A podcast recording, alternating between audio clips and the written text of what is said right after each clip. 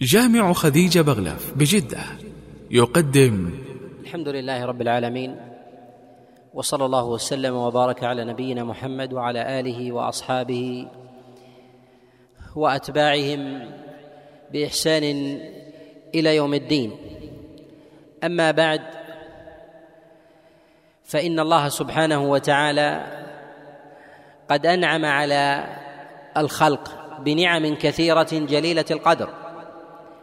ومن هذه النعم نعمة اللباس الذي جعله الله جل وعلا سترا وزينة يتجمل بها الإنسان ويستتر بها.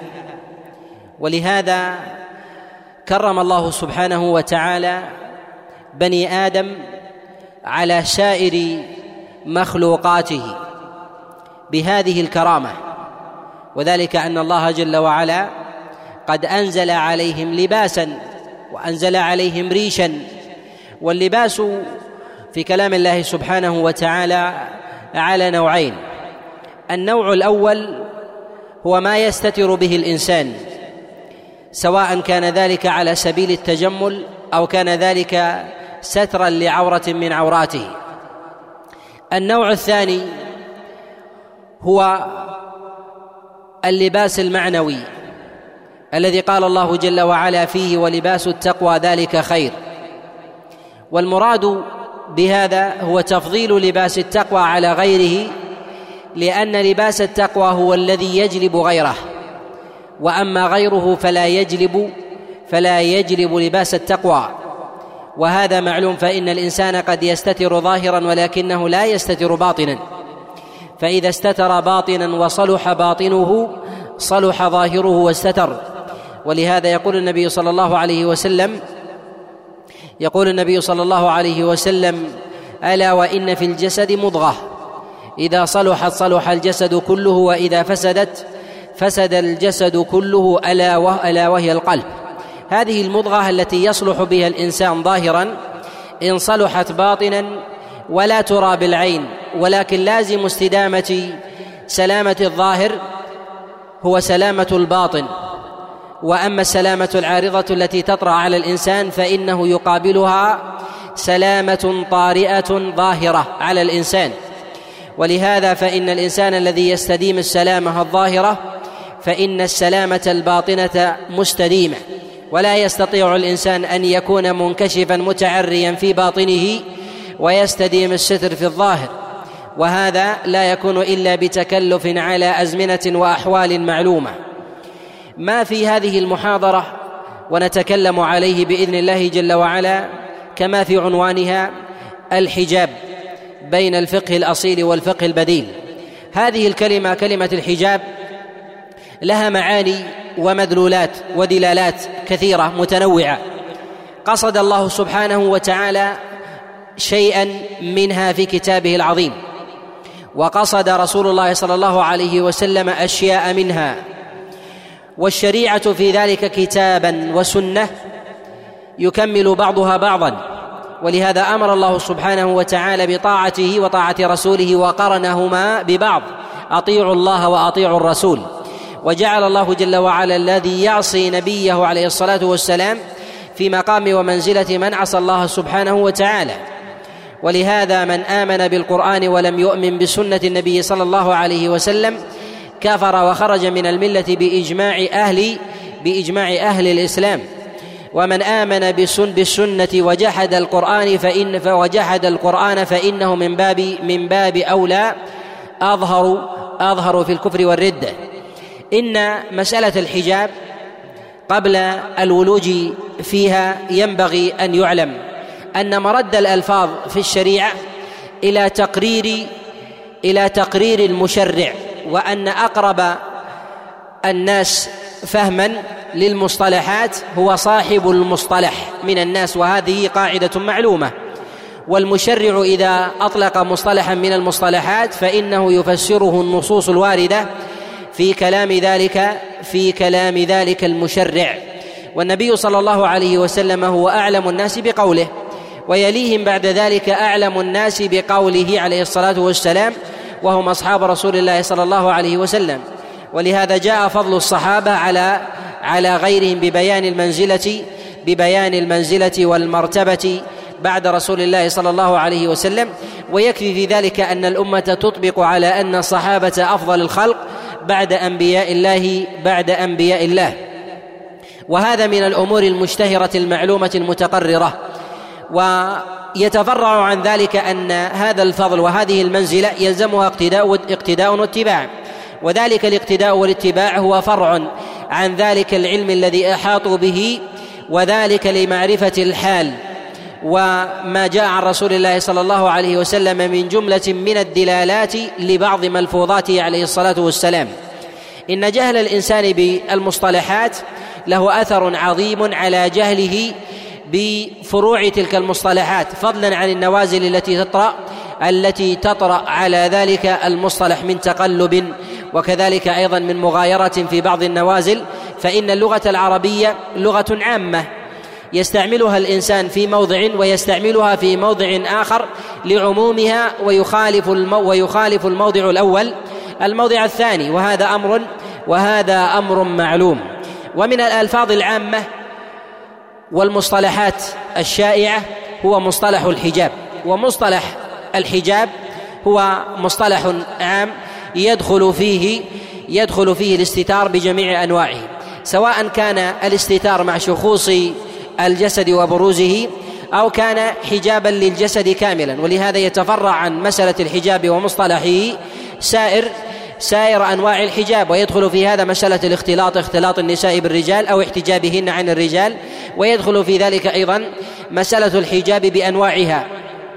وكذلك ما تستر به المرأة نفسها فإنه يدخل في باب الحجاب سواء كان ذلك ما يتعلق بجسد المرأة عاما أو ما كان بجزء من أجزائها مما يتعلق بالوجه والكفين أو يتعلق بالقدمين أو أو الأطراف ونحو ذلك فإن هذا مما يدخل في مما يدخل في مصطلح الحجاب.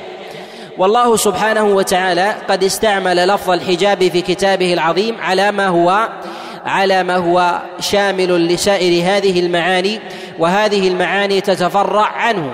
وذلك بسؤال أمها أمهات المؤمنين عليهن رضوان الله تعالى.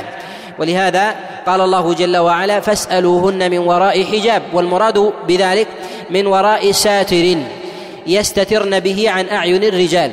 وهذا يدخل فيه مسألة ستر البدن ويدخل في ذلك أيضا من باب أولى ستر الجسد عن الرجال بالكلية وهذا ما يتفرع عن مسألة الاختلاط. وهذا المصطلح هو مصطلح يتباين بحسب السياق وكذلك أيضا بحسب الدلالة الواردة فيه بحسب ما جاء به النص من كلام الله جل وعلا وكلام رسول الله صلى الله عليه وسلم. وكذلك بحسب ما جاء فيه الدليل المخصص بقول أو فعل في موضع آخر أو ما تقرر عليه الإجماع كما يأتي بيانه بإذن الله. مسألة الحجاب غلب على المتأخرين الاصطلاح على مسألة الحجاب هو ما تستر به المرأة نفسها ويتعلق في هذا بحسب البلدان وبحسب المفاهيم يتباينون بإسقاط هذا اللفظ. والمواضعه لمصطلح من المصطلحات في زمن من الأزمنة ينبغي ألا ألا يغلب ذلك فرضا على المصطلح الشرعي. فتجير الألفاظ الشرعية بحسب وضع الناس لذلك المصطلح. وهذا من الأمور الخاطئة التي ينبغي للناس أن يدركوها حق الإدراك.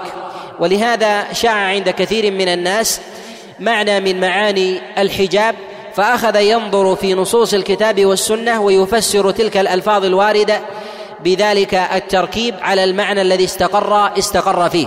ولهذا العلماء يقولون إن من أظهر الخلط عند الناس هو جهلهم بالمصطلحات وذلك أنهم يحملون مصطلحا عاما على بعض أجزائه الذي اشتهر عندهم ويغلبونه على مراد الله جل وعلا ومراد رسول الله صلى الله عليه وسلم. وهذا من أظهر ما يخطئ يخطئ به الناس. والمصطلحات إذا كانت تنقلب من جهة المعنى بحسب الأزمنة بحسب الأزمنة يجد الإنسان أن بعض الأزمنة تستعمل لفظا من الألفاظ يخالف الأزمنة المتأخرة أو العكس أيضا كلفظة الاستهتار. فإن هذه تغلب في استعمالات الناس المتأخرين مرادفة لكلمة الاستهزاء. وأما في لغة العرب فإنها أبعد من ذلك. فالاستهتار هو المراد بذلك هو غلبة المودة والحب. فإذا أحب الإنسان شيئا فانه فإنه يكون مستهتر مستهتر به. والألفاظ التي يتواضع عليها الناس من جهة الاصطلاح ينبغي ألا يغلبوها على سائر اللفظ. من جهة وروده في كلام الله جل وعلا وكلام رسول الله صلى الله عليه وسلم. إن مسألة الحجاب التي نتكلم عليها هي ما يتعلق بلباس المرأة بعيدا عن شطره الآخر وما يتعلق بمسألة احتجاب المرأة عن الرجال وهو ما يسمى بفصل الرجال عن النساء والتي اصطلح عليها اصطلح عليها العلماء بمسألة بمسألة الاختلاط. فهذه لها مباحث أخر ينظر ينظر فيها. فمسألة الحجاب مسألة عامة من المسائل التي ينبغي أن تؤخذ بعمومها وأن ينزل النص بحسب السياق الذي جاء جاء عليه. ومن الأمور المهمة أيضا أنه ينبغي للناس حال نظرهم في النصوص الشرعية أن يفهموا النص بحسب ما بحسب الحال التي نزل عليها النص الوارد عن رسول الله صلى الله عليه وسلم. فإذا كان القرآن قد نزل على النبي صلى الله عليه وسلم بلسان عربي وبلسان قريش يجب أن يفهم ذلك على وجهين. على ذلك اللسان كذلك على الحال التي كان عليها رسول الله صلى الله عليه وسلم. فأحوال الناس تتقلب من زمن إلى زمن. فقد يألف الناس في زمن من الأزمنة نوعا من اللباس ويظنون أن هذا اللباس هو الذي كان عليه الأوائل. فالرجال في زمننا على لباس في سائر البلدان لم يكن عليه الناس قبل مئات السنين فضلا عن زمن رسول الله صلى الله عليه وسلم فذلك يتغير من زمن إلى زمن. فإذا كان هذا في أمر الرجال فإنه كذلك أيضا في أمر النساء من باب من باب أولى. لهذا ينبغي فهم السياق وكذلك فهم العمل. فإن العمل الذي كان في زمن رسول الله صلى الله عليه وسلم واستقرت عليه النفوس لا يأتي النص فارضا له بألفاظ كثيرة لأن النفوس قد استقرت عليه. بخلاف النفوس التي تأنف من تطبيق ذلك العمل فإن الشريعة في ذلك تشدد تشدد عليه. النفوس تأنف من كثير من الأحكام الشرعية التي جاء جاءت الشريعة بالتشديد فيها. وسبب الانفه من ذلك ابتداء لأن هذه النفوس كانت مبدلة في الجاهلية على نوع من التبديل. كمسألة عبادة الأوثان كانوا يأنفون مثلا من السجود أو الركوع ونحو ذلك لأن هذه النفوس طرأ عليها نوع نوع من التبديل. فهذا التبديل ينبغي أن لا يلتفت إليه. وهذا إذا كان في الوثنية وترك عبادة الله جل وعلا فإنه في الأمور الجزئية في الأخلاق والمعاملات يطرأ عليها التغيير من باب أولى. وأكثر ما يحاجج به الناس في مقاومة النصوص أنهم يقولون إن وجدنا ان وجدنا آباءنا على أمة وإن على آثارهم مقتدون يعني أننا نسلك ذلك المسلك. ويجهلون أن الحكمة أو التحاكم في ذلك ينبغي أن يكون إلى إلى الحكم الشرعي والنص من كلام الله سبحانه وتعالى. وأكثر ما يواجه به الناس النصوص ولكن يكون بمصطلحات كثيرة أن هذا العمل هذا هو العمل السائد أو هذا هو عمل جمهور الناس وهذا هو الغالب ونحو ذلك. فالمقاومة الفردية للحق الشائع هي من أصعب أنواع المقاومة. فرسول الله صلى الله عليه وسلم حينما قاوم كفار قريش قاوموه بأنهم توطنوا على هذا الأمر وهذا الأمر الذي توطنوا عليه هو نوع من التبديل لما كان من الحنيفية ملة إبراهيم عليه السلام بقرون يسيرة وهذا كما لا يخفى في تدرج عبادة الأوثان ونحو ذلك. والناس تجتالهم الشياطين ولهذا يقول النبي صلى الله عليه وسلم كما جاء في الصحيح من حديث أبي هريرة قال عليه الصلاة والسلام كانت بنو إسرائيل تسوسهم أنبياؤهم كلما ذهب نبي كلما ذهب نبي خلفه نبي آخر. المراد بهذا تسوسهم أنبياؤهم أن حال الناس وإن كانوا من العقل الذين رزقهم الله جل وعلا اللب والفهم والإدراك فإنه يطرأ عليهم من الانحراف والانحراف يكون على أمر دقيق ينحرف جيل من الأجيال شعره في باب بحسب تمسك بحسب تمسك الفطر وتقبلها. لذلك الانحراف فيتدرجون في اللباس ويتدرجون مثلا في الأقوال والأخلاق. شيئا فشيئا حتى يأتي جيل لا يدرك درجة ذلك الانحراف فيظن أنه وجد على هذا على هذا الأمر. ومقاومة هذا الانحراف بعد انخراط العقد من الأمور الشاقة. وهذا في الأخلاق والقيم وكذلك أيضا في أمور العقائد وغيرها. والانحراف الذي طرأ على الجاهليين وكفار قريش في مكة هو أعظم وأدهى أنواع الانحراف. انحراف في الأخلاق انحراف في التوحيد وانحراف كذلك أيضا في أمور المعاملات المادية وغير ذلك كما طرأ عليهم ربا الجاهلية وغير هذا. فكانوا يقعون في ذلك بل يقع فيه أشرافهم.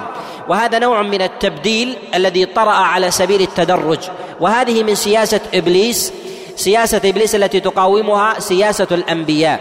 ولكن لما كان رسول الله صلى الله عليه وسلم رسول الله صلى الله عليه وسلم هو خاتم الأنبياء والمرسلين كان الذي يسوس الناس أهل العلم والمعرفة ورثه الأنبياء ممن حملوا العلم كتابا وسنة وفهموا مراد الله جل وعلا ومراد رسول الله صلى الله عليه وسلم على النحو الذي الذي يريده الله ويريده رسول الله صلى الله عليه وسلم من غير تحريف أو تبديل. وأن يرجعوا الناس إلى المعنى الذي جاء في كلام الله جل وعلا وكلام رسول الله صلى الله عليه وسلم. قد يطرأ فهم للنص على خلاف ما نزل عليه الدليل. وذلك كما تقدم الإشارة إليه.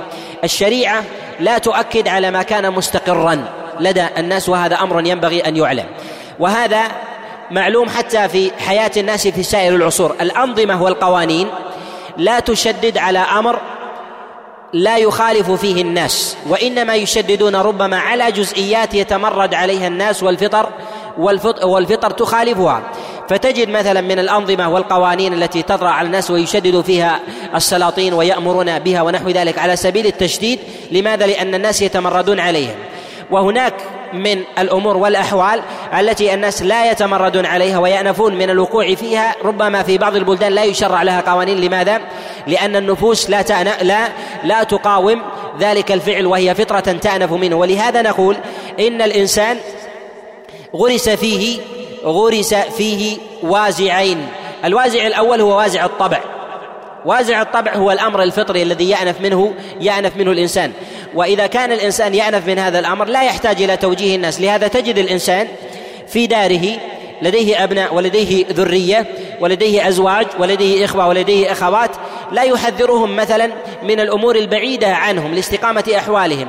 لا يحذرهم مثلا من الشذوذ من اللواط ولا يحذرهم من الزنا ولا يحذرهم مثلا من نوع من الألبسة ونحو ذلك. ولكن تجده يشدد على نوع من السنن ويحذر شديدا على المكروهات ونحو ذلك. لماذا؟ لأن البيئة بيئة مستقيمة في هذا الباب. وتجد في بعض البيئات ونحو ذلك هو عكس هذا فيطرأ على بعض الأسر من الانحراف فيشدد على هذا ويغفل عن الجانب الآخر. جاءت الشريعة الإسلامية والعرب كانوا يأنفون ويأنفون من إظهار عورات النساء إلا في أبواب ضيقة كمسألة الطواف. فإنهم كانوا يطوفون عراة وكانت المرأة تطوف عند البيت عارية لله جل وعلا تدينا بجهل وتقول اليوم يبدو بعضه أو كله وما بدا منه فلا أحله وبعض الرجال يفعلون ذلك. ولكنهم في غير ذلك فإنهم يشددون في هذا في هذا الأمر ويتساهلون في نوع من الأمور كمسألة البغى في بعض الجواري ونحو ذلك. ولهذا جاءت الشريعة في بيان أمر الحجاب مخففا. مع كونه من الأمور المتحتمة الضرورية. ولهذا جاءت النصوص فيها على سبيل التأكيد ببيان ببيان نوع من المعاني.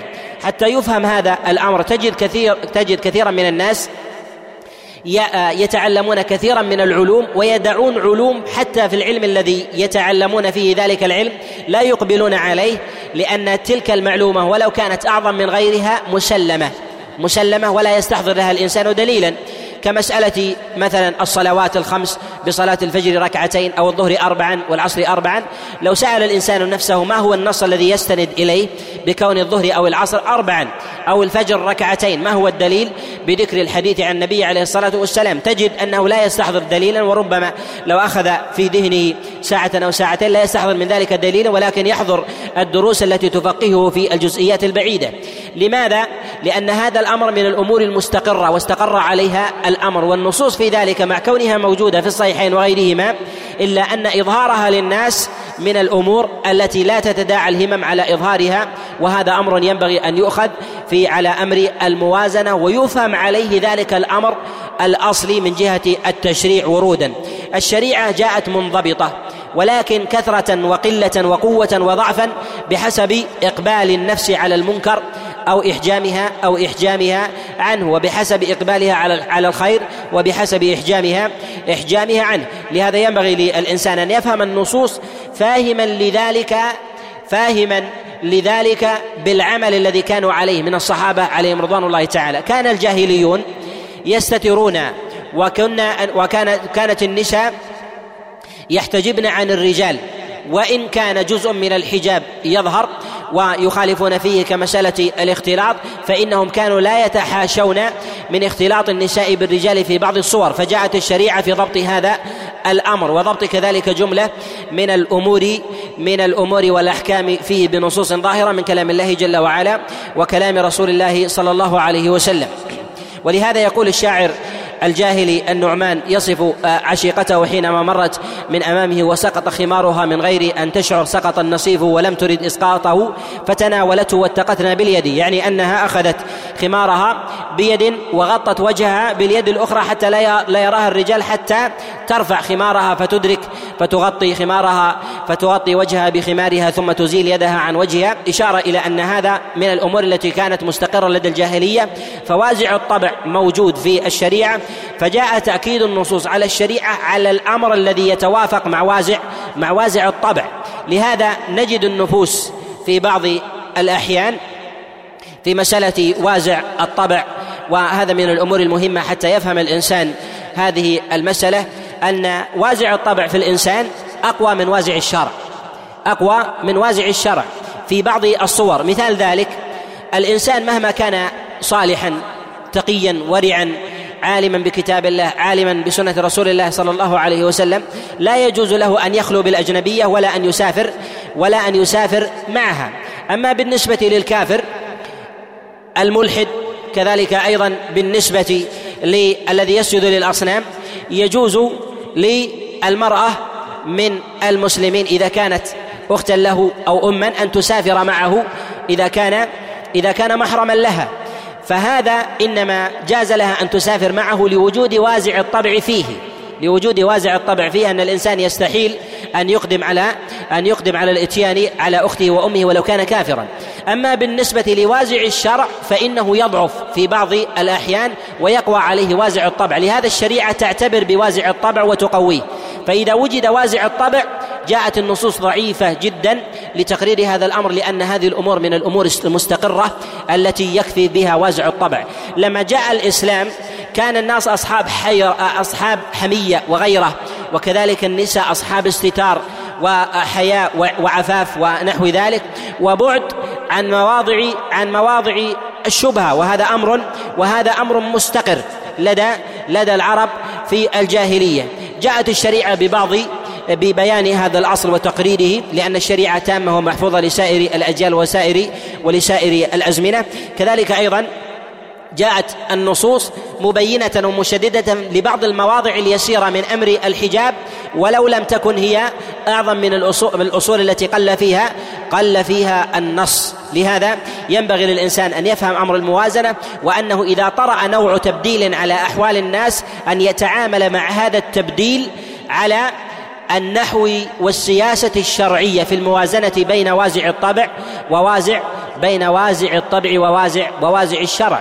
وهذا أمر وهذا أمر من الأمور المهمة. مسألة الحجاب هي من المسائل الفطرية التي فطر عليه الناس. وهي تتفرع عن مسألة الحياء ومسألة العفاف ومسألة الغيرة وغير ذلك من الأخلاق. حتى كان الجاهليون وما قبل الجاهليين من الشرائع السابقة كان النساء يحتجبن عن الرجال.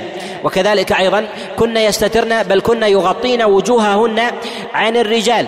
ولهذا لما ذكر الله جل وعلا قصة موسى ذكر الله جل وعلا قال جاءت إحداهما تمشي على استحياء. ذكر عمر بن الخطاب عليه رضوان الله تعالى كما رواه الخطيب البغدادي وكذلك رواه الدارمي من وجه آخر من حديث أبي إسحاق عن عمرو بن ميمون عن عمر بن الخطاب قال جاءت إحداهما تمشي على استحياء وقد غطت وجهها. وجاء هذا أيضا عن عند الدارمي في كتابه السنن من حديث الضحاك عن أبي حازم أنه قال جاءته إحداهما تمشي على استحياء وقد غطت وجهها. فيه إشارة إلى أن النساء يغطين وجوههن ولو وهذا كان في زمن في زمن بني إسرائيل. وهذا الخبر عن عمر بن الخطاب عليه رضوان الله تعالى ولا يؤحد عن عمر بن الخطاب أنه حدث عن بني إسرائيل حديثا واحدا ومثل ذلك لا يقال من قبيل من قبيل الذات وإنما مرده في ذلك إلى الوحي إما من خبر قدسي وإما من قول رسول الله صلى الله عليه وسلم. كذلك أيضا فإن المتقرر عند العلماء أن ما جاء من تفسير كلام الله جل وعلا عن الصحابة أنه في حكم المرفوع كما نص على ذلك الحاكم في كتاب المستدرك وكذلك أيضا في كتاب علوم الحديث.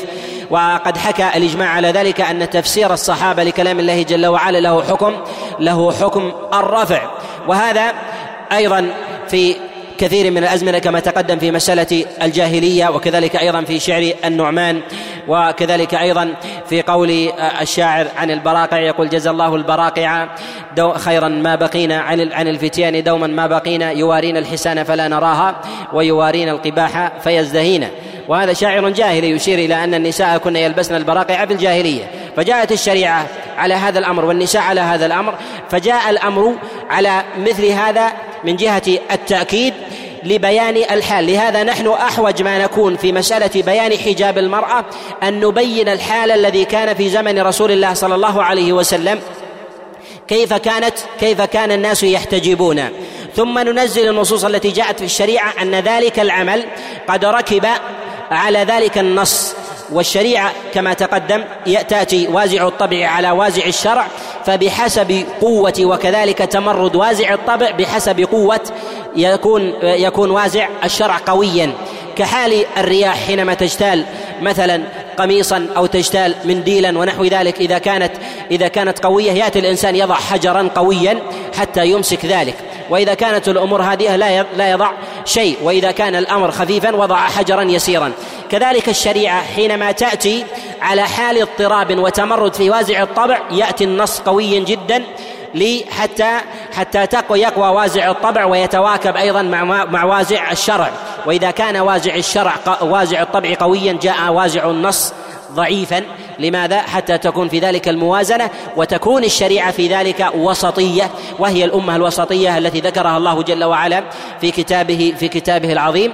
وهذا ما ينبغي ينبغي علينا علينا فهمه. الله جل وعلا قد ذكر أمر الحجاب. والحجاب حتى نحرر الأمر والمسألة في هذا. اتفق العلماء على أن الحجاب هو بمعانيه العامة هو ما يتعلق بلباس المرأة وما يتعلق عن احتجابها عن الرجال وأنه على أنواع وصور. واتفقوا على جملة من الصور. من هذه الصور اتفق العلماء قاطبة على أنه أنه من المشروع للمرأة وينتبه للفظة المشروع أنه من المشروع للمرأة أن تغطي جميع جسدها. وهذا جميع الجسد يشمل في ذلك سائر أعضائها سواء كان الوجه والكفين أو الأصابع أو أظفارها. هذا من جهة المشروعية. وأما من جهة الوجوب فقد اختلفوا في ذلك ويأتي الكلام عليه بإذن الله. أما بالنسبة للوجوب أجمع العلماء أيضا على أنه يجب على المرأة أن تستر وجهها في حال الفتنة. الافتتان بها وأنها إذا علمت أن رجلا ينظر إليها ولو كانت متجالة أنه يجب عليها أن تستر وجهها وجوبا وهذا لا خلاف فيه عند العلماء قاطبة. من سائر الطوائف الفقهية ومن سائر الملل والمذاهب.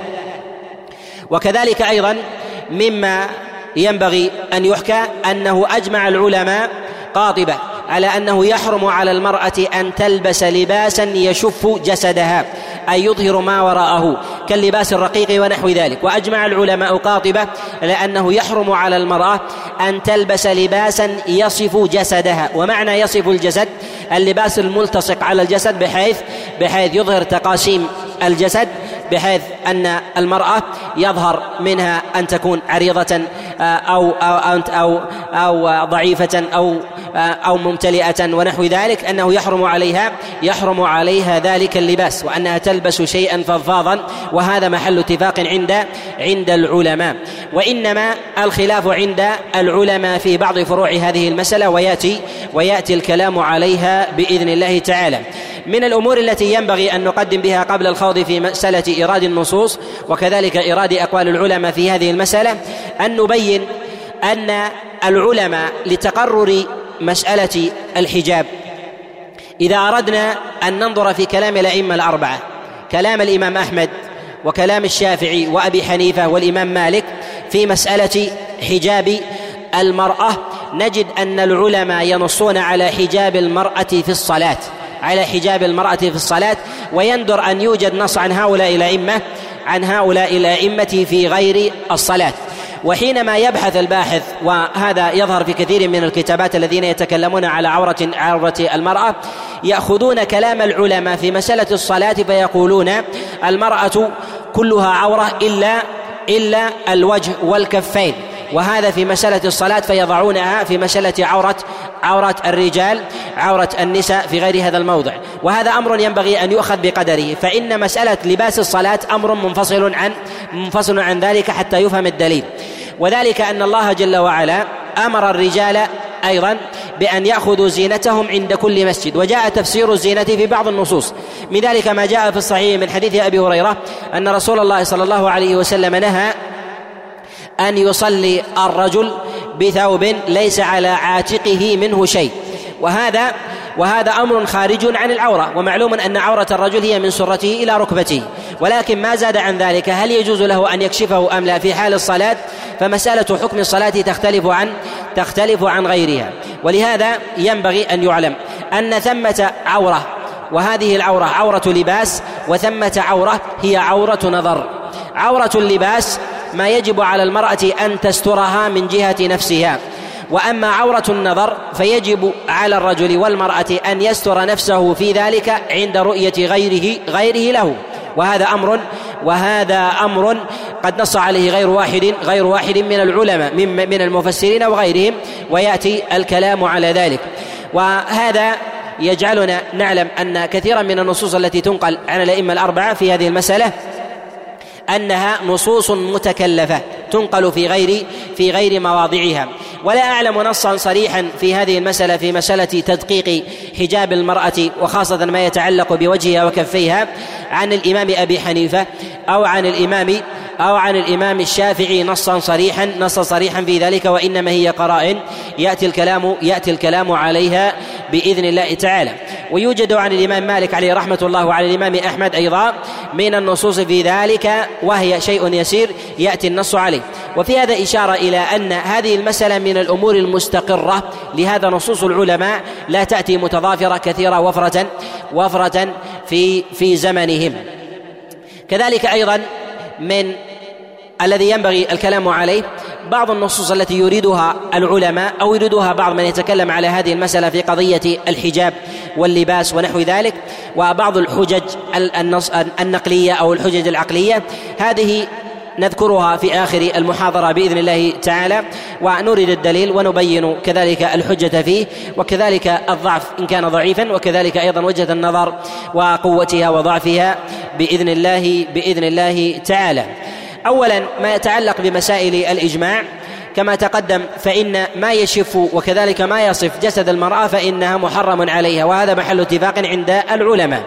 قد روى ابن سعد في كتابه في كتابه الطبقات من حديث هشام بن عروة عن أبيه أن الزبير لما قدم من العراق جاء إلى أسماء عليها رضوان الله تعالى وقد أهدى إليها ثيابا ثيابا مروية وهذه ثياب رقاق فلما لبستها فقالت أف خذوها فكأنه قد وجد في نفسه فقال لا فقال لأسماء عليها رضوان الله تعالى إنها إنها لا تشف. فقالت عليها رضوان الله تعالى إذا كانت لا تشف فإنها تصف يعني أنها تصف الجسد. كذلك أيضا ما جاء عن رسول الله صلى الله عليه وسلم حينما أهدى لأسامة بن زيد لأهدى لأسامة بن زيد كما جاء في مسند من حديث عبد الله بن محمد ابن عقيل عن ابن أسامة بن زيد عن أسامة بن زيد أن رسول الله صلى الله عليه وسلم أهدى له ثيابا قبطية أحد الثياب التي أهداها إليه دحية الكلبي. قال فلما رآني رسول الله صلى الله عليه وسلم قال أين الثياب التي أهديتك؟ فقال قلت لرسول الله صلى الله عليه وسلم إني أهديتها امرأتي. فقال النبي صلى الله عليه وسلم اذهب إليها ومرها أن تضع تحتها ثيابا غلاظا فإنها فإنها تصف. والمراد بهذا أن رسول الله صلى الله عليه وسلم فرق بين لباس أسامة وبين لباس زوجته. فإنه بالنسبة للرجل يغتفر في مسألة لباسه بخلاف بخلاف المرأة فإن المراه يجب عليها أن تلبس الثياب الغلاظ. كذلك أيضا بالنسبة للثياب الفضفاضة. ما جاء في حديث أم سلمة حينما ذكر رسول الله صلى الله عليه وسلم أزرة المؤمن فقال النبي قالت للنبي صلى الله عليه وسلم والنساء قال عليه الصلاة والسلام يرخينه شبرا. فقالت يا رسول الله إذا إذا ينكشفن. فقال النبي صلى الله عليه وسلم يرخينه ذراعا ولا يزدن والمراد بهذا أن المرأة يتأكد في حقها أن تغطي حتى حتى القدم. وهذا محل اتفاق عند العلماء من جهة المشروعية على خلاف في مسألة في مسألة الوجوب. يأتي الكلام عليه يأتي الكلام عليه بإذن الله بإذن الله تعالى. كذلك من الأمور التي ينبغي أن تؤخذ.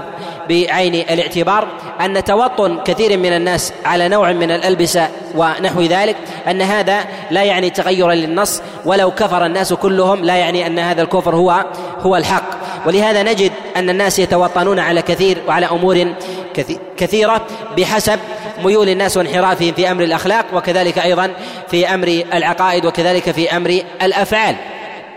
لهذا انتشر التعري في كثير من بلدان العالم وكذلك أيضا التفسخ في بعض بلدان المسلمين ويظنون أن الناس قد نشأوا على هذا قد نشأوا على هذا الأمر ويأتي الكلام عليه وكذلك أيضا ظهرت بعض الأقوال التي تشير إلى أن الحجاب إنما هو خاص بأمهات المؤمنين وليس لبقية النساء علاقة في ذلك. فهذا من الأمور من من ألفاظ ومعاني الضلال التي تطلق المخالفة لكلام الله جل وعلا. ولهذا الله سبحانه وتعالى أمر رسول الله صلى الله عليه وسلم يا أيها النبي قل لأزواجك وبناتك ونساء المؤمنين يدنين عليهن من جلابيبهن. أمر الله جل وعلا نساءه وبناته ونساء المؤمنين أن يدنين عليهن من جلابيبهن. والعلة في ذلك أن يعرفن فلا يؤذين.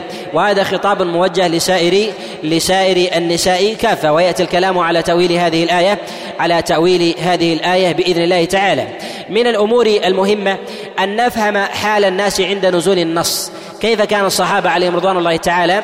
نساؤهم يحتجبن وما كن يلبسن. اولا بالنسبة لخروج المرأة وهذا نوع من الحجاب خروج المرأة من بيتها لحاجة غير متبرجة ولا مختلطة بالرجال من الأمور من الأمور الجائزة إذا كان لحاجة.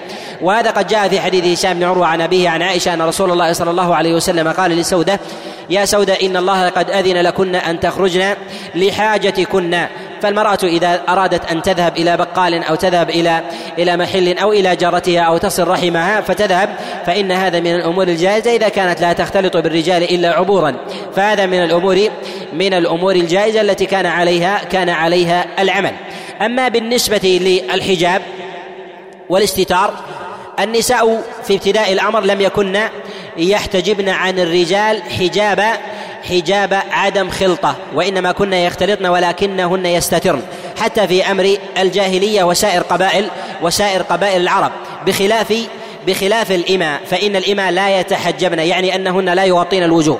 والدليل على ذلك أن نساء العرب حتى من المشركات كن يتحجبن. ما جاء عند ابن سعد وغيره من حديث إياس بن سلمة بن الأكوى عن أبيه أنه قال وقع في نصيب جارية من العرب من بني فزارة وعليها قشع قد تغطت به فلم أكشف عنها حتى قدمت المدينة فلما كشفتها قال رسول الله صلى الله عليه وسلم لله أبوك هبها لي. فوهبتها لرسول الله صلى الله عليه وسلم ففاد بها رسول الله صلى الله عليه وسلم اسار المسلمين. وفي هذا إشارة أن بني فزارة ولو كانوا من المشركين أن نساءهم يستترن فإذا كان أهل الجاهلية على ذلك وهم محاربون فكيف أيضا؟ فكيف حال المسلمين من أهل من أهل المدينة؟ فكان هذا الأمر مستقرا لديهم. كذلك أيضا النصوص الواردة في هذا عن الصحابة عليهم رضوان الله تعالى في مسألة في مسألة حجاب النساء. يتفقون عملا أن المرأة تغطي تغطي جسدها. وهذا الجسد يستثنى منه بعض الأشياء التي يأتي الكلام عليها بإذن الله تعالى. ما يتعلق بالمسألة الشائعة وهي مسألة الوجه والكفين هل هي من عورة المرأة أم لا؟ اولا ينبغي أن يعلم أن للمرأة للمرأة عورتان. العورة الأولى هي عورة عورة كشف. والعورة الثانية عورة نظر. وأما بالنسبة للعورة الكشف تكون لعورة الصلاة وهذه النصوص التي قد جاءت قد جاءت النصوص الواردة الواردة في ذلك. في قول الله جل وعلا يا أيها النبي قل لأزواجك وبناتك ونساء المؤمنين يدنين عليهن من جلابيبهن. أمر الله جل وعلا أن يدنين عليهن من جلابيبهن. وتفسير ذلك ينبغي أن يؤخذ بفهم المعاني. الدنو أن الإنسان يدنو ولهذا ذكر النبي صلى الله عليه وسلم جبريل أنه دنا منه الدنو يكون من علو. يدنين عليهن أنهن ينزلن شيئا من علو. وهذا الأمر من علو يكون على الرأس فتضعه المرأة على وجهها. فهو قد دنا من علو. أما بالنسبة للذي يأخذه الإنسان من من من سفول إلى إلى علو لا يسمى لا يسمى ادناء. وأما بالنسبة للجلباب فإن الجلباب المراد به هو ما يغطي الوجه. دليل ذلك ما رواه البيهقي في كتابه معرفة السنن والآثار وكذلك الشافعي وغيرهم من حديث ابن جريج عن سعيد بن جبير. عن سعيد بن جبير عن عبد الله بن عباس عليه رضوان الله تعالى أنه قال في المرأة قال تدني عليها جلبابها قال ولا تضرب به فقلت وما تضرب به وجلبابها؟ قال فأشار إلى جلبابها الذي على خدها. والمراد بذلك أن الجلباب هو التي تغطي به المرأة التي تغطي به المرأة وجهها. وأما بالنسبة للجيب الجيب فإنه يطلق على النحر وما وما دونه. وأما بالنسبة لعمل الصحابة عليهم رضوان الله تعالى فإن النساء كن يتغطين عن الرجال. وهذا من عمل الصحابة عليهم رضوان الله تعالى. في ابتداء الأمر كان أمرا مخير به الناس. ما كان باقيا في أحوال العرب من أمر الجاهلية من الناس من يجعله متأكدا ومنهم من لا يجعله لا يجعله متأكدا. فجاء الإسلام فأكد عليه. ولهذا عائشة عليها رضوان الله تعالى تشير إلى أن بعض النساء كن يكشفن وجوههن قبل قبل نزول الحجاب ومنهن بعض أمهات المؤمنين. كما جاء في البخاري من حديث الزهري قال حدثني علقمة وسعيد ابن المسيب وسليمان بن يسار عن عائشة عن عروة عن عائشة عليها رضوان الله تعالى أنها لما ذكرت حادثة الإفك قال وأتاني صفوان ابن المعطل وكان قد عرفني قبل الحجاب فرآني فغطيت وجهي وهذا وهذا في الصحيحين وغيرهما من حديث الزهري عن سعيد عن عائشة عليها عليها رضوان الله تعالى. وكذلك ما جاء عن عائشة عليها رضوان الله تعالى أنها كانت تأمر تأمر النساء أن يغطين وجوههن عامة ولو كان ذلك ولو كان ذلك بالحج ويأتي الكلام عليه. وينبغي أن يشار إلى مسألة إلى مسألة متعلقة بمسألة عورة المرأة في الصلاة أن المرأة لا يجوز لها أن تغطي وجهها في الصلاة. وهذه المسألة مسألة مهمة وثمة إشارة إلى جزئية لطيفة في هذا. إذا قلنا أن المرأة لا تغطي وجهها في الصلاة إذا الرجل هل يجوز له أن يغطي وجهه في الصلاة؟ لا يجوز له أن يغطي وجهه في الصلاة وهذا معلوم عند العلماء. ولماذا يكثر الفقهاء من هذا الأمر؟ أي أن المرأة كلها عورة إلا الوجه والكفين في الصلاة. مع أن الرجل كذلك أيضا لا يغطي وجهه لا يغطي وجهه في الصلاة ومنهي عن ذلك. والنصوص في ذلك كثيرة عن الصحابة عليهم رضي الله تعالى وجاء في ذلك جملة من النصوص المرفوعة لماذا؟ لأن الأصل في الرجل الكشف وتغطيته للوجه لوجهه في الصلاة وغيرها أمر نادر فالشريعة لا تأتي للرجل وتقول لا تغطي وجهك في الصلاة لأنه أصلا لم يغطي وجهه حينما قدم إلى الصلاة.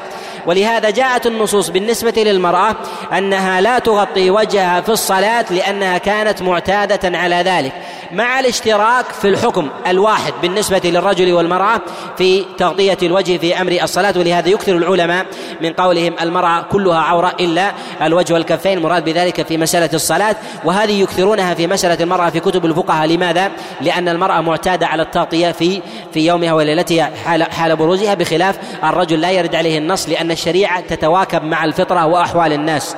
فما كان فما كان يلزم منه التأكيد جاء التأكيد على ذلك مع الاشتراك في مسألة الحكم. وإذا غطت المرأة وجهها في الصلاة لم تبطل الصلاة كذلك أيضا بالنسبة للرجل. كذلك أيضا في قول الله جل وعلا ولا يبدين زينتهن. في نهي الله جل وعلا عن إبداء الزينة جاءت الزينة في هذه الآية في موضعين. الموضع الأول في النهي والموضع الثاني في الاستثناء إلا ما ظهر منها. أمر الله جل وعلا بعدم إبداء الزينة وفي قوله جل وعلا إلا ما ظهر منها. جاء في ذلك جملة من النصوص في بيان الزينة الظاهرة وغير الظاهرة. جاء في ذلك جملة من النصوص عن أصحاب رسول الله صلى الله عليه وسلم ولا أعلم في ذلك نصا مرفوعا عن رسول الله صلى الله عليه وسلم في بيان في بيان مقدار مقدار الزينة ويكون ثابتا عن النبي عليه الصلاة والسلام. وإنما هي من أقوال الصحابة وأقوال الصحابة في ذلك ممن مما مما يحتج مما يحتج بها لأنها في أبواب في أبواب التفسير. جاءت روايات في ذلك وينبغي أن نتنبه قبل الولوج في النقول في هذا أن يعلم أن بعض كتب التفسير تنقل الزينة تنقل الزينة ولا يبدين زينتهن عن بعض المفسرين وبعضهم ينقلها في سياق الزينة الأولى وبعضهم ينقلها في سياق الزينة المستثنات هل هي من الزينة التي لا تظهر أم من الزينة التي تظهر؟ فيأخذها بعض النقلة من دواوين العلماء فيختارها بحسب المشارب الفقهية فيضعها في أحد الموضعين ويقع خلط في ذلك خلط في ذلك كثير. اولا اختلف المفسرون في الزينة في الزينة التي تظهر إلا ما ظهر منها. جاء في ذلك جملة من النصوص منهم من قال يظهر من ذلك الوجه والكفين يظهر يظهر من هذا الوجه والكفان. جاء في ذلك عن عبد الله بن عباس وأسانيده عنه عنه ضعيفة. وهذا أعلى ما يشتهر وينقل في هذا الباب عن عبد الله بن عباس. والنص في ذلك عن عبد الله بن عباس على خلافه وبيانه كما يلي. قد روى ابن جرير الطبري في كتابه التفسير من حديث محمد ابن حميد الرازي عن يزيد بن هارون عن أبي هارون. عن نهشل عن الضحاك عن عبد الله بن عباس عليه رضوان الله تعالى أنه قال الزينة هي الوجه والكفين وجاء في رواية عنه أنه قال الكحل والخاتم وهذا إسناده ضعيف. محمد بن حميد الرازي وهو شيخ محمد بن جرير الطبري ضعيف وقد ضعفه غير واحد من العلماء بل قال بعضهم أنه إنه متروك. وكذلك نشل فإنه فإنه ضعيف الحديث ضعيف الحديث جدا. وكذلك أيضا فإن الضحاك لم يسمع من عبد الله ابن مسعود. الأثر الثاني ما جاء عند ابن جرير الطبري من حديث مسلم ابن كيسان عن سعيد بن جبير عن عبد الله بن عباس أنه قال الوجه والكفين وجاء في رواية الكحل والخاتم. وهذا إسناده ضعيف فإن مسلم بن كيسان قد ضعفه غير واحد من العلماء بل قال النسائي إنه متروك إنه متروك الحديث. وقد جاء أيضا هذا موقوفا أيضا على سعيد بن جبير واضطرب فيه مسلم بن كيسان فتارة يرويه عن سعيد بن جبير عن عبد الله بن عباس وتارة يرويه عن سعيد بن جبير عن عبد الله بن عباس. جاء عن عبد الله بن عباس ما يخالف ذلك بإسناد صحيح. قد روى ابن جرير الطبري وابن أبي حاتم في كتابه التفسير من حديث عبد الله بن صالح كاتب الليث وروايته نسخة عن معاوية بن صالح عن علي بن أبي طلحة وروايته نسخة عن عبد الله ابن عباس عليه رضوان الله تعالى أنه قال ولا يبدين زينتهن. قال أمر الله جل وعلا نساء المؤمنين إذا خرجن وبرزن إلى الرجال أن يغطين وجوههن. وجاء في رواية عنه ويبدين عينا. وجاء هذا أيضا عن عبيدة السلماني كما رواه ابن جرير الطبري أيضا من حديث ابن عون عن محمد بن سيرين عن عبيدة قال يغطين وجوههن ويبدين ويبدين عينا.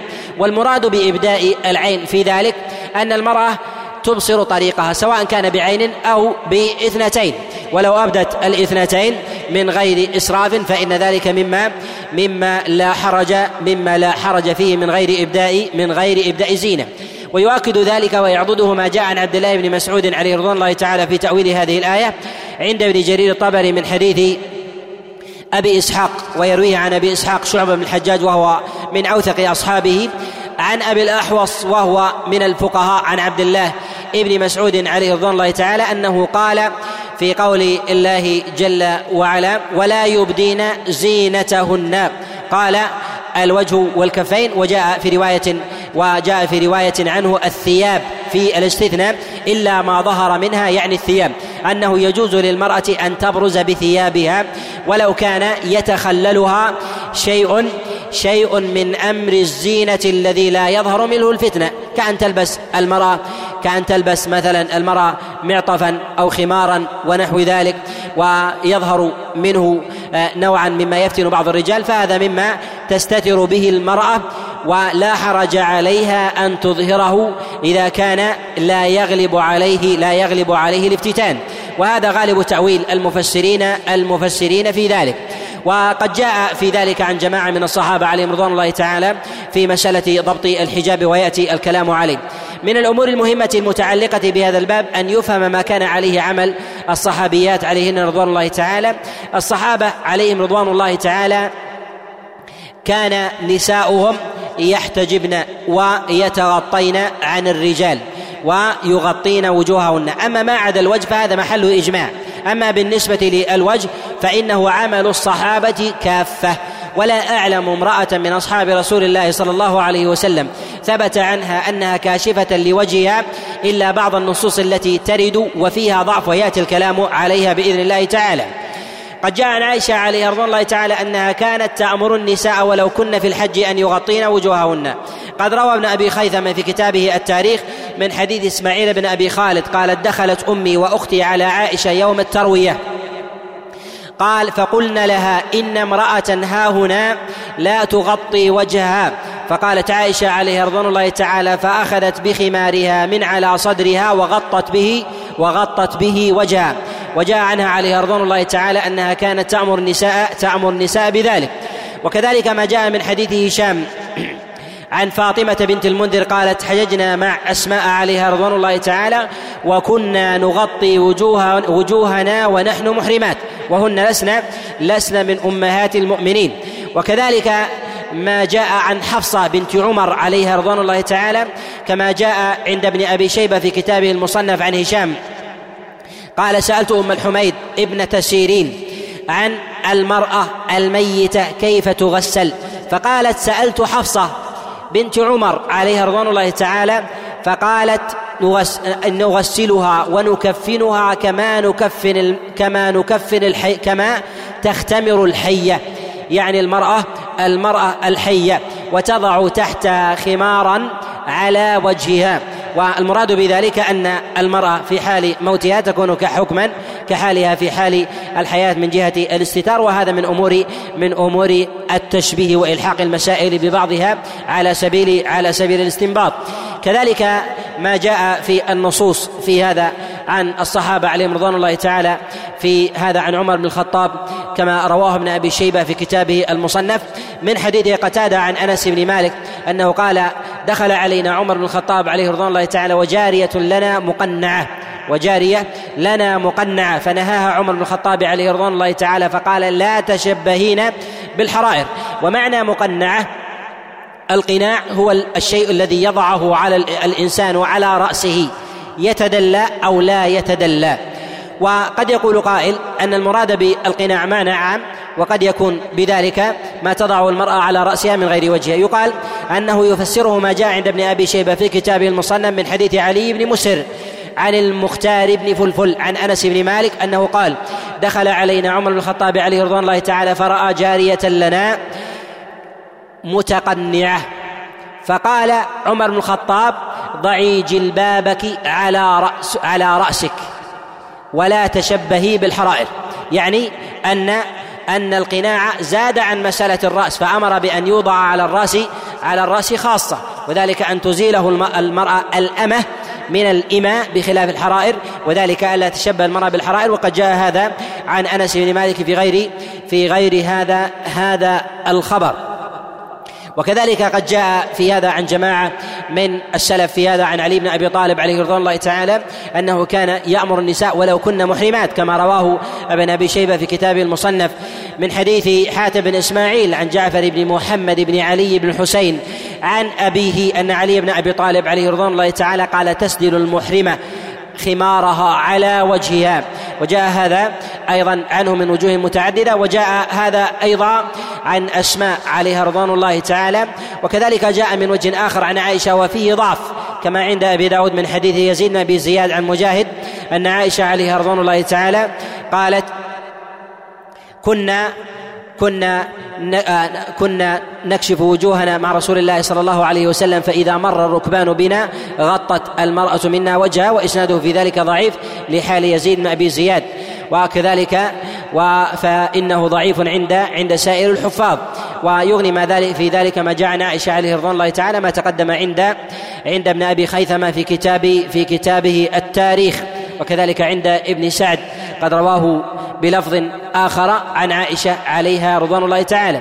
وفي هذا الباب أيضا ما جاء عن طاووس بن كيسان وهو من فقهاء اليمن وهو من التابعين من المفسرين ما يرويه عنه ابنه عبد الله عن طاووس بن كيسان أنه قال في المرأة المحرمة قال تسدل وجهها وجه تسدل خمارها على على وجهها. وكذلك قد كان جماعة من التابعين ينكرون على النساء إن كشفنا وجوههن ولو كنا ولو كنا في المطاف كما جاء هذا عن عبيد بن عمير كما رواه كما رواه صالح بن أحمد ويرويه عن أبيه عن عبد الله عن عبيد بن عمير أنه رأى امرأة كاشفة في الطواف فقال يا أمة الله لا تفتني الرجال. وكذلك أيضا جاء عن عبد الملك عبد الملك بن حبيب عن أبي حازم وهو من أجلة من أجلة التابعين ومن عليتهم أنه نهى امرأة كاشفة لوجهها في الطواف وإسناده في ذلك عنه عنه صحيح. قد رواه ابنه عبد العزيز بن أبي حازم عن أبيه وكذلك رواه عبد الملك بن حبيب عن أبي حازم أنه نهى عن ذلك. وكذلك أيضا فإن النصوص في هذا عن أتباع التابعين في ذلك آه، متضافرة ويأتي الكلام عليها. أما بالنسبة للأئمة الأربعة في هذا فليعلم أن بعض الفقهاء نبه على اجتزاء بعض النصوص من كلام بعض الفقهاء في مسألة الصلاة وتؤخذ إلى مسألة إلى مسألة عورة النظر ويجعلون الحكم في ذلك مشترك وقد نبه بعض الفقهاء من الشافعية على هذا الأمر. أن الفقهاء لا ينصون على عورة النظر لاستقرارها. وقد نص على هذا الموزع من الشافعية عليه رحمة الله أن أئمة الأربعة والأخص الإمام الشافعي عليه رحمة الله لا ينص على عورة على عورة النظر لاعتبار أن هذا الأمر مستقر وإنما ينصون على عورة الصلاة فيأخذون عورة الصلاة ويجعلونها في عورة النظر وهذا من الأمور التي يخلط فيها يخلط فيها بعض الناس. أولا بالنسبة لأن نص عن أبي حنيفة لا أعلم عنه نصا في ذلك. لا أعلم عنه نصا في ذلك. وإنما جاء عنه أنه أنه يقول بتغطية المرأة المحرمة لوجهها.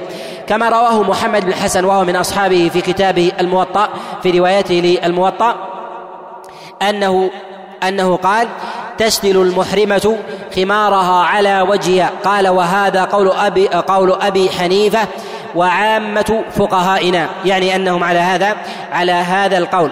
ومن نقل عن أبي حنيفة قولا بالنص أنه قال آه، بهذه المسألة سواء بكسب أو بغيره فقد تكلف شيئا قد تكلف شيئا معدوما. أما بالنسبة للإمام مالك عليه رحمة الله فقد جاء عنه نص صريح بوجوب تغطية المرأة لوجهها كما في كتابه المدونة. سأله سائل عن الرجل يطلق امرأته وهي في بيتها. البتة يعني تكون بائنة منه. فقال الإمام مالك لا تريها وجهه تغطي وجهها عنه. فإذا كان هذا من المرأة لزوجها لزوجها البتة منه فكيف لأجنبي فكيف لأجنبي بعيد عن ذلك. أما بالنسبة للإمام الشافعي عليه رحمة الله أيضا فإن النص في ذلك عنه في كتابه الأم أنه قال كما في كتاب الحج قال ويستحب يعني للمعتمر وكذلك الحاج أن يبتدئ بالطواف ابتداء أول ما يقدم إلا المرأة إن قدمت نهارا أن تؤخر الطواف إلى الليل حتى لا يراها لا يراها الرجال. فإذا كان الإمام الشافعي عليه رحمة الله يؤكد على المرأة أن تؤخر أن تدع أمرا مستحبا وهو المبادرة بالطواف حتى لا يراها الرجال لشخصها. فكيف أن تبرز بوجهها وتزاحم الرجال تزاحم الرجال في ذلك؟ ولا أعلم نصا على الإمام الشافعي عليه رحمة الله تعالى في ذلك صريحا. في هذه المسألة وإنما الإشارات في ذلك تشير إلى تأكيده على هذا الأمر.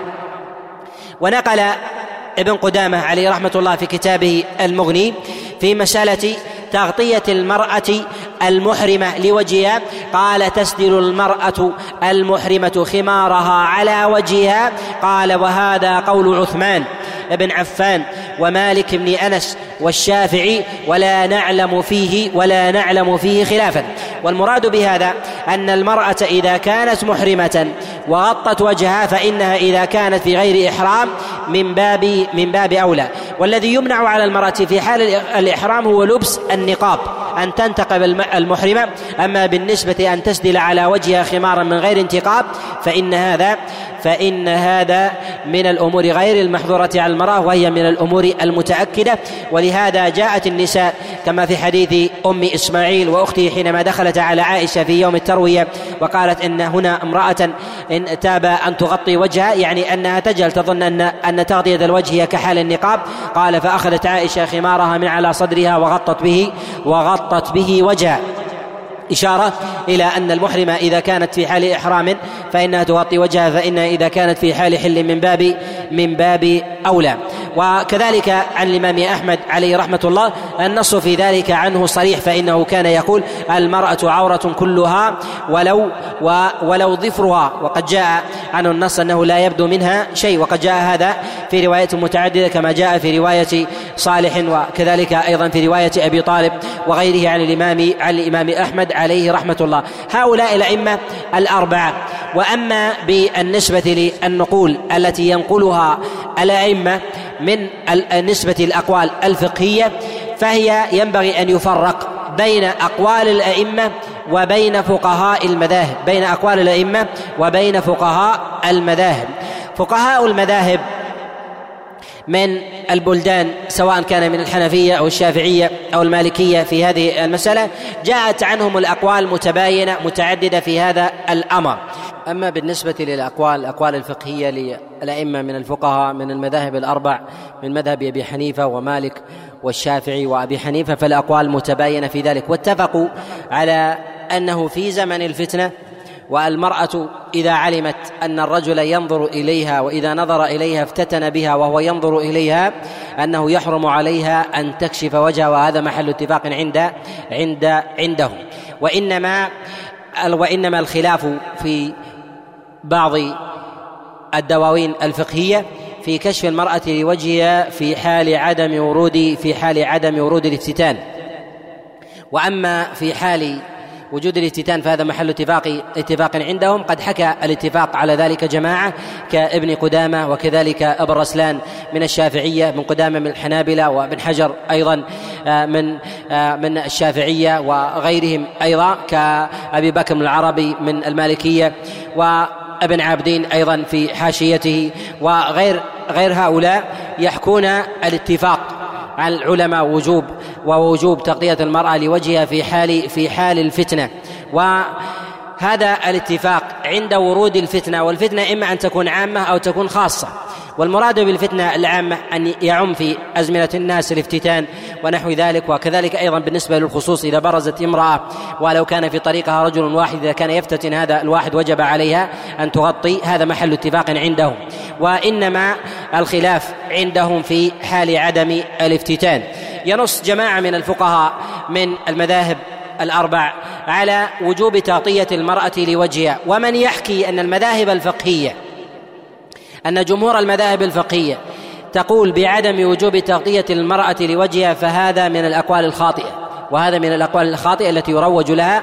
ومن نسب قولا لأحد أئمة الأربعة قولا في هذه الأقوال فهو فهو مخطئ في هذا.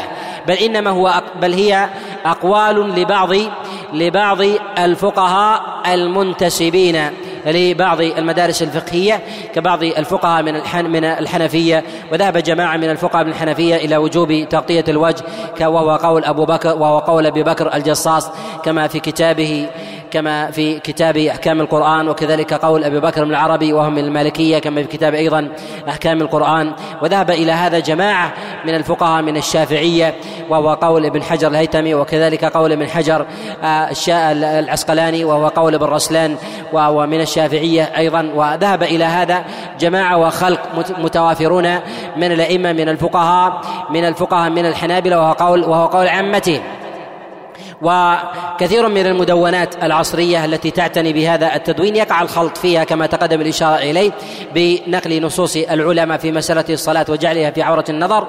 وقد نص على هذا جماعة على هذا اللبس جماعة من العلماء كشيخ الإسلام تيمية وابن القيم عليه رحمة الله. ونص على هذا أيضا البيضاوي في كتابه التفسير وكذلك نص عليه الصنعاني عليه رحمة الله في بعض كتبه أن هناك من يخلط فيها بين هاتين المسألتين بين عورة النظر وبين عورة عورة الصلاة فينقل نصوص العلماء في هذا.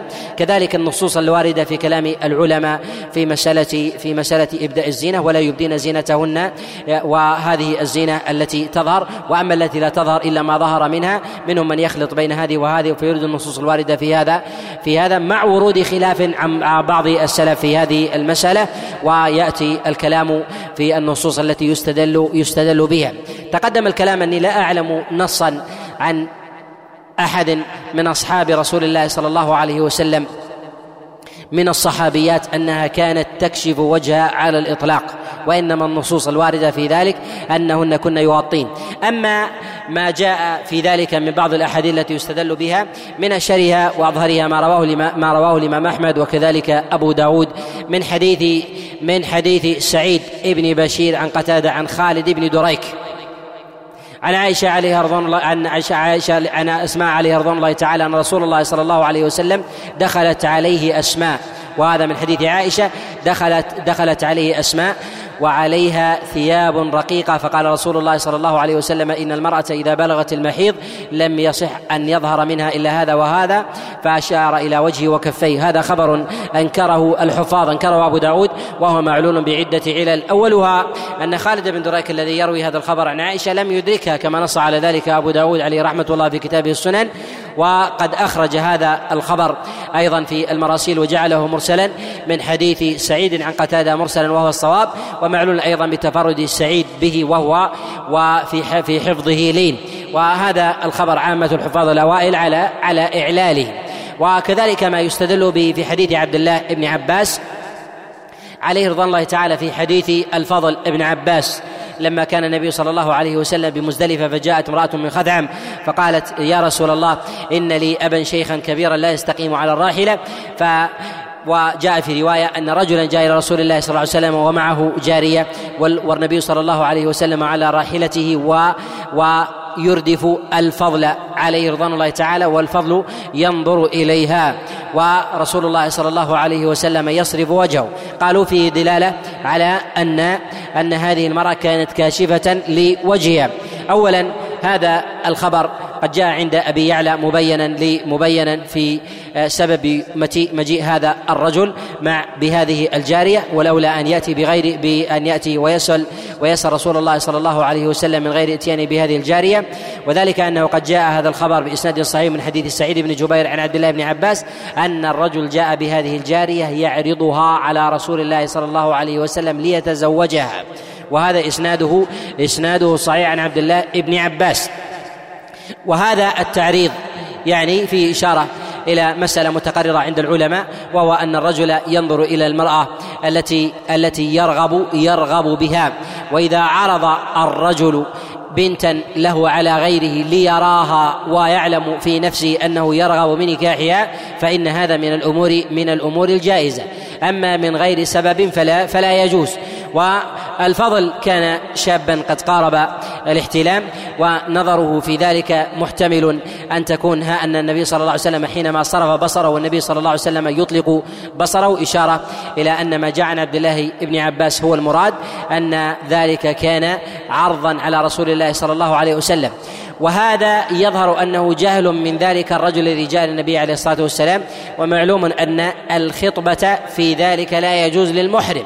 إلا أن هذا الرجل أراد نظر رسول الله صلى الله عليه وسلم لا أن تكون في ذلك خطبة وهذا من الأمور الجائزة.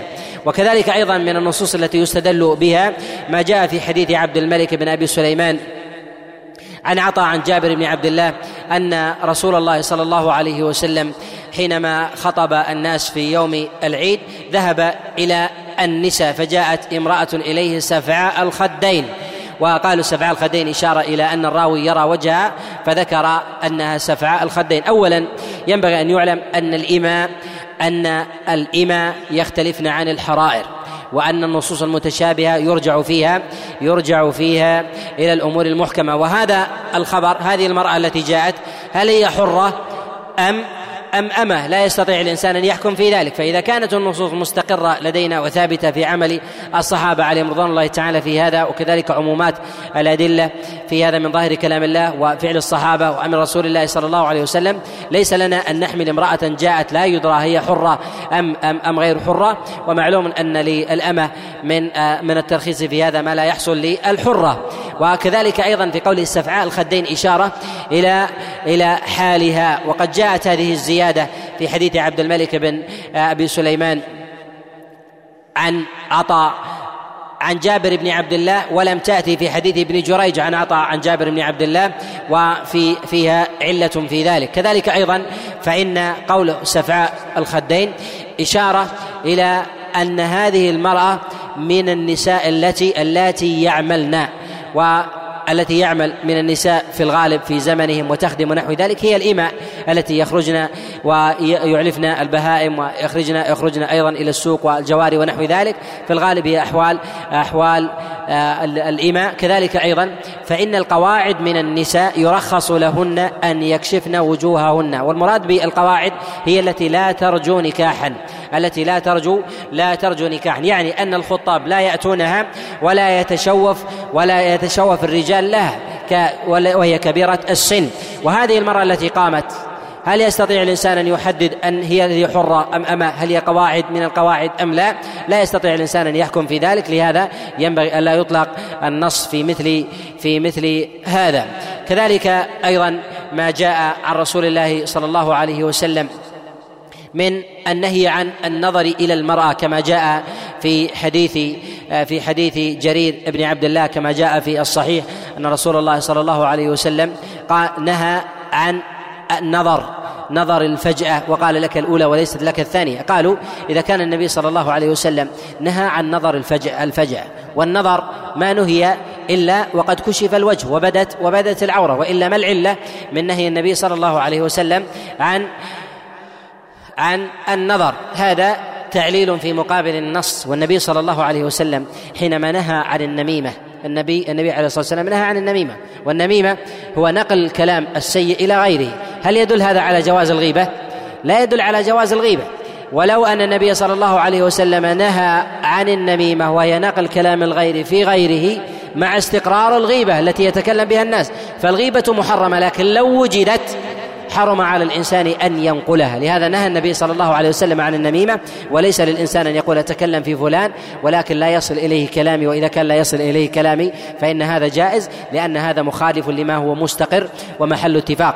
ولهذا الشارع قد نهى عن النظر في حال في حال ورود الكشف وربما أيضا نظر الإنسان إلى المرأة ولو كانت مستترة مما يفتن يفتن به بعض الرجال. لهذا نهى النبي صلى الله عليه وسلم عن ذلك. لهذا نقول أن لازم المحرم لا يعني لا يعني أن يرد منه أن يرد منه إباحة لبعض صور التحريم. والنص في ذلك والنص في ذلك ظاهر في كلام الله جل وعلا وكذلك في كلام رسول الله صلى الله عليه وسلم. كذلك أيضا من الأمور المهمة التي ينبغي الإشارة إليها أن كثيرا ممن يتكلم على هذه القضايا وخاصة ما يتعلق بقضايا الحجاب يتكلمون عليها والمنزع في ذلك ليس من المنزع الشرعي ليس من منزع الشرع ولا ولا الورع وإنما يحاولون ويحاولون الدعوة إلى السفور والدعوة إلى التفسخ ونحو ذلك وعلامة ذلك أن كثيرا من المتحمسين إلى قضايا حجاب المرأة وكشفها يرون التعري للعورات المجمع عليها ولا يظهر إنكار ولو في موضع واحد.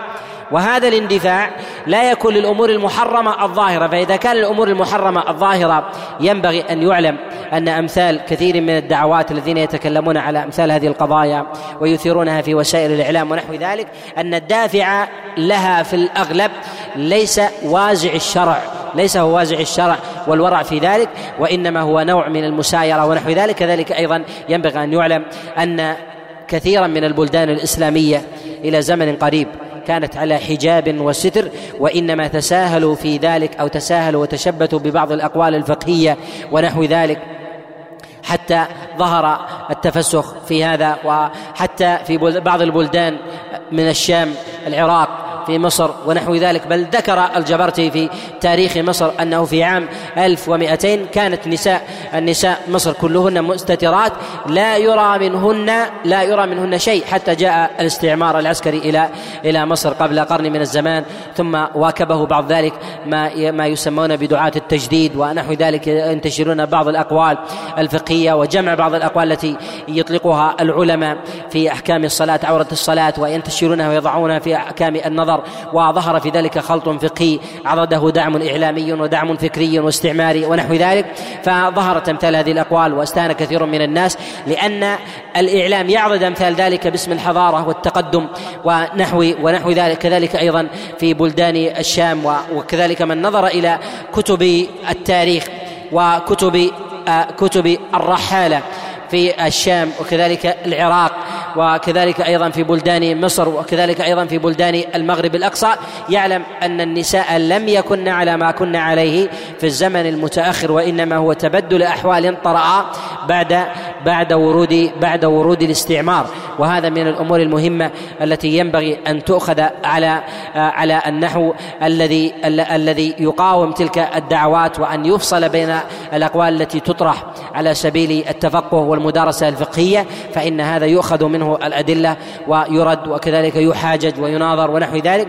أما من يريدها يريد أن ينقض العرى وأعظم دلالة على ذلك أن التفسخ وإظهار الأمور المحرمة التي هي بإجماع الملل حتى الكتابية من اليهود والنصارى في دواوينهم في توراتهم وإنجيلهم أنه يحرم على المرأة فيهم أن تظهر شعرها. وهذا وهذا النصوص في كتبهم ناطقة. وفضلا عن عن الإجماع عند المسلمين كما نص على ذلك ابن أبد كما نص على ذلك ابن المنذر وابن عبد البر وكذلك ابن قدامة في إظهار شيء من شعر المرأة وهذا محل اتفاق.